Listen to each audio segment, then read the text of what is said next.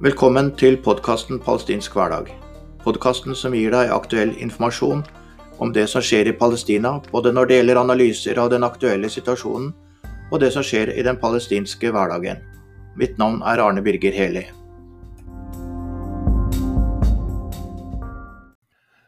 Det starter nå en ny podkastserie i palestinsk hverdag.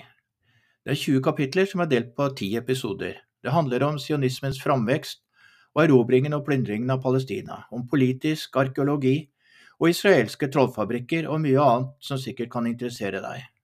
Så velkommen til lytting. Kapittel 1 skal handle om tidlig palestinsk historie. Allerede som ganske ung så begynte jødenes skjebne å oppta meg. Bildene fra konsentrasjonsleirene. De første fra dem var så sterke for meg at jeg først kasta et blikk på dem, for så å summe meg litt før jeg bladde forsiktig tilbake. Jeg måtte liksom stålsette meg, men måtte også se dem. Da jeg ble eldre, begynte jeg å lese om jødeforfølgelsene spesielt, men også annen litteratur om konsentrasjonsleirene og ondskap. Hvor kom alle denne ondskapen fra?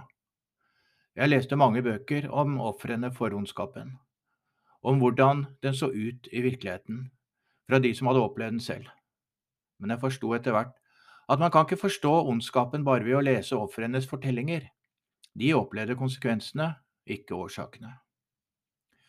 Jødedommen er en religion med røtter tilbake i det gamle Palestina, og de som praktiserer religion kalles jøder.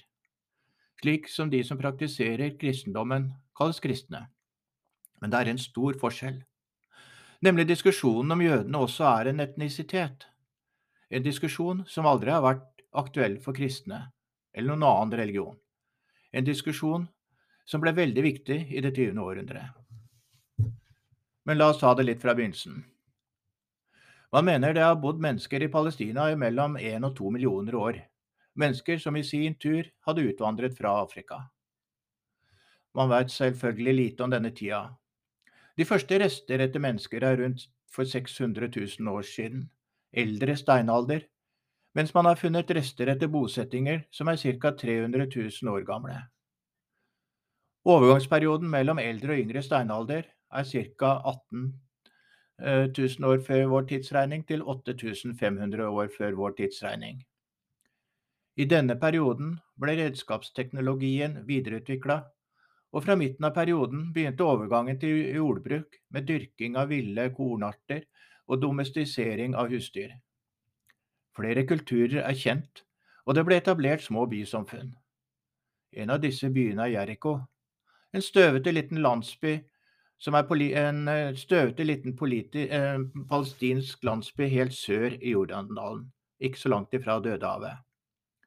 Byen regnes for å være verdens eldste kontinuerlige bosetting, ca. 10 300 år gammel. Jeg kan ikke huske å ha sett noe skilt eller noe annet som kunne vise til byens anselige alder når jeg har vært der.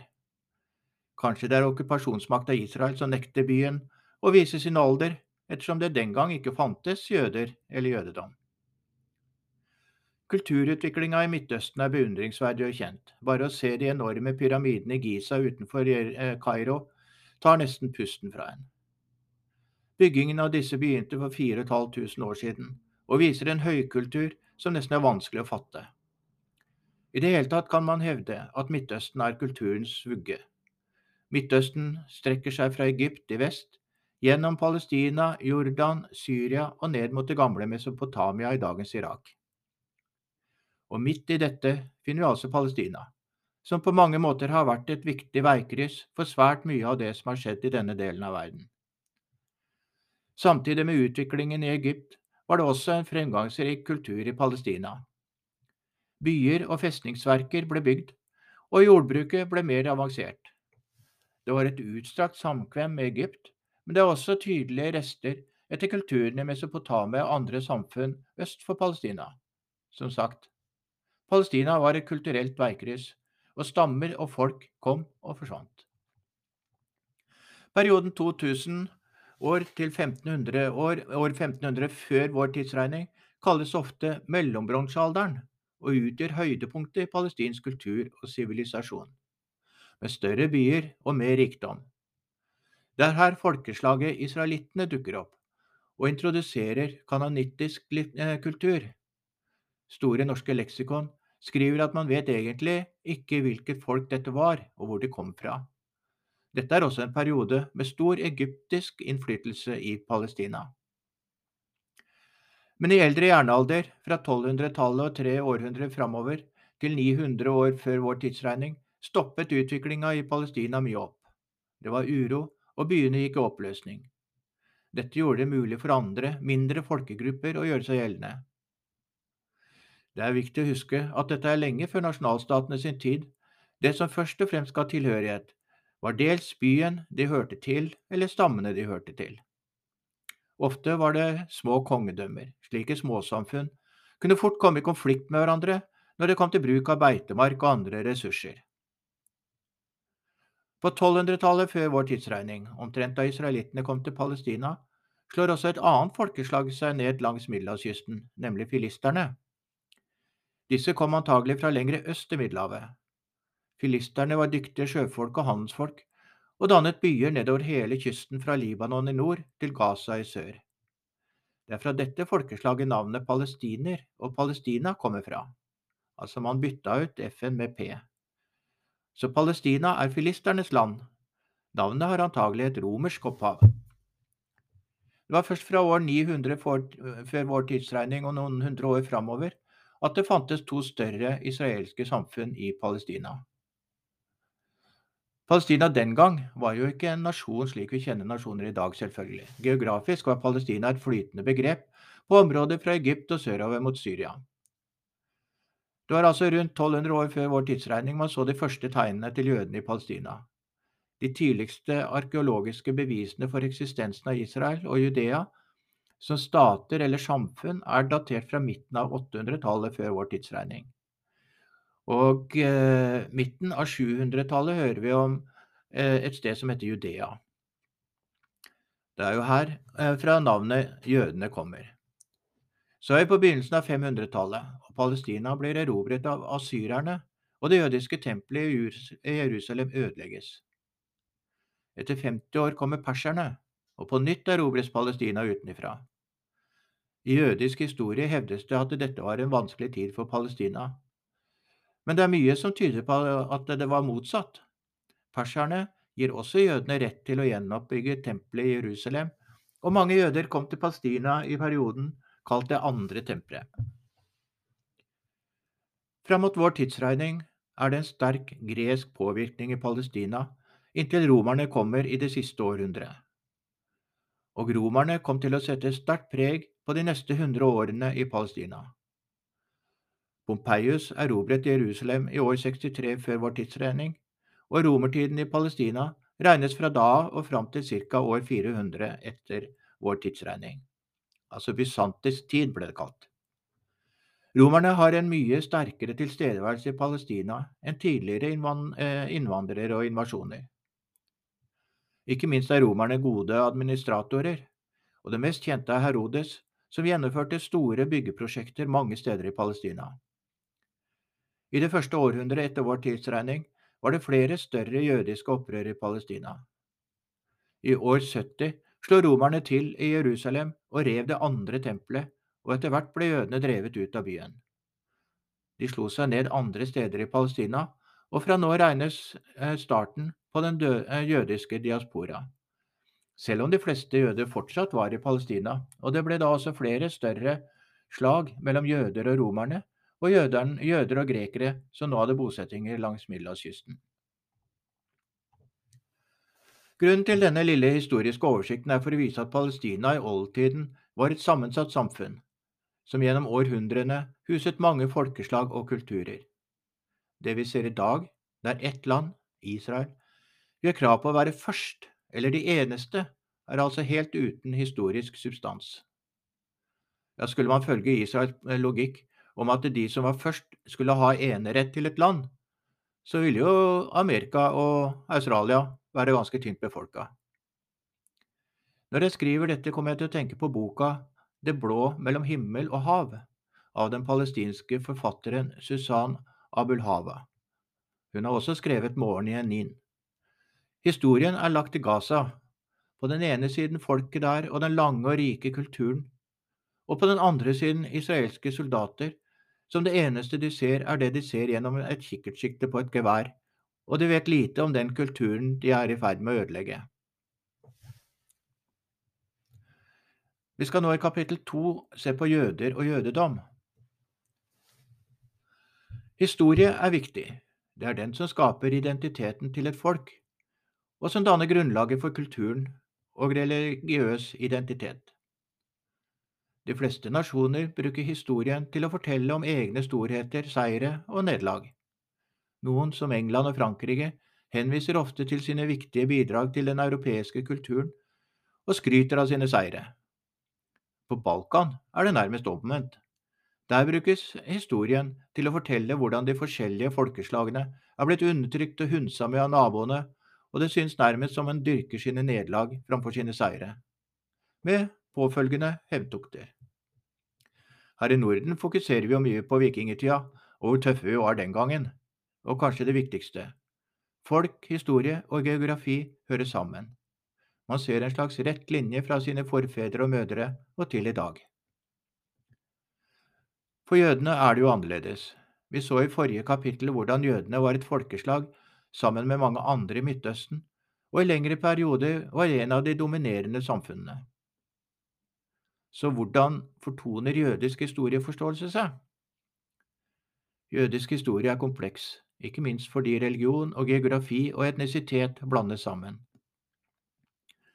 Mens man kan hevde at en jøde er en som tilhører den jødiske religionen, og også er en del av den jødiske nasjonen, så er det jo ikke slik f.eks. med kristne, ettersom det ikke finnes noen eksklusiv kristen nasjon. Kristne kan tilhøre mange forskjellige nasjoner, og det samme gjelder f.eks. For, for muslimer. Dessuten så mener altså jødene også å ha en geografisk tilhørighet, nemlig Israel. Jøder følger en matriarkalsk linje, vil si at dersom du har en jødisk mor, da er du jødisk, en skikk som antagelig oppstod i romertida, men kanskje også før. Årsaken var antagelig at da kunne man være sikker på avstamningen. En mann kunne ha hatt seg med hvem som helst, uten at man visste noe om det barnet som ble resultatet. Begrepet jøde stammer antagelig fra betegnelsen på mennesker som kom fra den gamle betegnelsen på landområdet Judea, et navn som Israel gjeninnførte etter okkupasjonen i 1967 på en del av Palestina og Vestbredden. Sentralt i jødisk historieforståelse er Det gamle testamentet. Det begynner med historien om Abraham, som sammen med sin familie la ut på sin lange vandring fra Mesopotamia, i dagens Irak, til Kanan i Palestina etter befaling fra Gud. Drar man til byen Hebron i Palestina, kan man besøke, ja, altså hvis israelske soldater tillater det, da, et eldgammelt byggverk som kalles Abrahams grav, der det finnes sarkofager som angivelig inneholder Abraham og hans slektningers levninger. Etter Israels okkupasjon i 1967 og etter et terrorangrep fra den israelske terroristen Baruch Goldman i 1994, der han drepte 29 palestinere i bønn inne i bygningen, ble bygningen delt på midten, tvers over sarkofagene. Her kan legges til at Goldman i dag anses som en helt blant mange israelere. Han ble for øvrig drept under terrorangrepet. Så det ble to innganger på bygningen, en for muslimer og en for jøder, slik at begge parter kan gå inn fra hver sin ende uten å møte hverandre. Abraham regnes som jødenes og muslimenes stamfar gjennom sine to sønner Jakob og Isak. Når de snakker med palestinere, så er det ofte de kaller jøder for sine søskenbarn, og dette er altså bakgrunnen. Om disse sarkofagene virkelig inneholder Abrahams levninger fra omtrent 4000 år siden, det er vel tvilsomt. Man har ikke arkeologiske funn som kan bekrefte at Abraham og hans familie virkelig har levd. Jakob reiste så til Egypt, hvor jødene etter hvert ble slaver for faraoene. Etter mange, mange år bestemte en person som het Moses seg for å føre jødene ut av fangenskapet i Egypt. I jødisk historie er dette en viktig hendelse. Da de flyktet fra egypterne, ble de forfulgt av soldater og da de nådde havet, så åpna det seg, slik at jødene kunne komme over til den andre siden, men så lukket det seg da egypterne kom, og alle de egyptiske soldatene druknet. I Sinaiørkenen møtte Moses Gud, som han fikk steintavler fra, med lover som jødene skulle følge, blant andre de ti bud. Etter 40 år ankom følget til Kanaan og etablerte sitt rike der. Dette regnes som grunnleggelsen av Israel. Selv om utvandringen fra Egypt og ankomsten til Palestina står helt sentralt i jødisk historie, er det lite som tyder på at historien er riktig. Arkeologer mener at en så stor folkeforflytning som det hevdes i Bibelen, måtte ha etterlatt seg arkeologiske spor. Det er heller ikke funnet skriftlige kilder eller andre tegn og historier som kan bekrefte at en slik utvandring faktisk skjedde. Historien om Moses og steintavlene fra Gud på Sinai-fjellet er vel også kanskje vanskelig å få bevist. Allikevel hevdes altså dette som grunnlaget for jødenes krav på Palestina. Som nevnt tidligere var det flere jødiske opprør mot det romerske herredømmet i det første århundret etter vår tidsregning. Og opprøret i år 70, med den påfølgende utdrivelsen av Jerusalem, står sentralt i jødisk mytologi. Det var da, sammen med et noe senere opprør og påfølgende nederlag, som gjorde ende på jødenes tilstedeværelse i Palestina. Dette skapte den såkalte vandrende jøde, et folk som ikke lenger hadde noe eget land, og måtte slå seg ned andre steder i verden. Så med det som har skjedd i Palestina med dannelsen av Israel, hevder jødiske sionister at de ikke har tatt landet fra noen. De har kommet tilbake til det som er deres.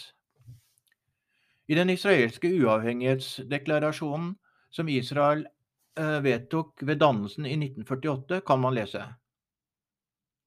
Landet Israel var fødestedet for det jødiske folk. Det var her deres spirituelle, religiøse og politiske identitet ble skapt. Det var her de først skapte sin stat og skapte kulturelle verdier av nasjonal og universal betydning, og gav verden bøkenes bok. Som vi ser, her er ingen plass for Palestinas innbyggere. En jødisk historie som har studert dette med utdrivelsen og påfølgende jødisk historie, heter Shlomo Sand. Han har skrevet en bok som heter The Invention of the Jewish People. Her går han gjennom et omfattende historisk materiale, både om det som skal være utdrivelsen av Palestina og dannelsen av staten Israel. Det er ikke mulig å finne en demografisk utvikling i Palestina som tilsier en rask nedgang i folketallet, sier han. Det er mye som tyder på at den jødiske religionen fortsatt ble utøvet i Palestina, men det ble i stor grad undertrykt av romerne. Tidligere skrifter tyder på det samme, at det var jødiske samfunn i Palestina også den, eh, etter den angivelige utgivelsen. I Palestina var det etter hvert tre konkurrerende religioner jødedommen, kristendommen og islam, det siste fra ca. år 700. Eh, det sier seg selv at folk har skifta religion i perioder, det kan henge sammen med privilegier hos den ene framfor den andre. For eksempel under islam var det fritt fram å være kristen eller jøde, men ikke-muslimer ble skattlagt. Så når sionistiske jøder hevder at jødene kom, er kommet tilbake, og at de er de rettmessige eierne, er dette en oppkonstruert historie, sier Shlomo Sand. Etter at staten Israel var etablert, var det naturligvis viktig å utvikle et utdanningssystem. Sand skriver om hvordan dette utdanningssystemet fortalte en historie om jødenes tilstedeværelse helt fra historiens begynnelse i Palestina, og dermed deres rett til landet. Men på 50- og 60-tallet, med positivismen, måtte man prøve å få fram mer substansielle bevis. Dermed ble biologi mer trukket inn. Men det handlet ikke om biologi, i seg selv, men biologi med et bestemt formål, Jødenes rett til landet skulle bevises. Genetisk forskning på mange områder ble igangsatt, og like mange forskjellige svar fikk man. Hva slags resultat man kom fram til, var avhengig av hvem som forsket. Poenget var å vise at jøder var en egen rase, at jøder var forskjellige fra alle andre i verden og hadde samme opphav og altså var genetisk knytta sammen. Israelske medier var alltid raskt ute med å beskrive vitenskapelige funn som beviste at jødene utgjorde en, e, en enhetlig og helhetlig rase. Men å finne signifikante svar som var entydige, ble helt umulig. Ved å henvise til eh, en edruelig og uavhengig forskning, så konkluderes han med at det selvsagt finnes jøder som antagelig kan knyttes til Midtøsten og Palestina. Men det er først og fremst en religion, og de som praktiserer jødedom, utgjør ikke en etnisk enhet, men en religiøs, og har dermed ikke noe spesielt krav på Palestina. Ja, uansett hvordan man tolker det. Neste gang så skal vi ta for oss politisk arkeologi, som jo er en forlengelse av det vi har snakka om i dag. Og vi skal også snakke litt om jødenes situasjon fram til sionismen. Så takk for denne gangen.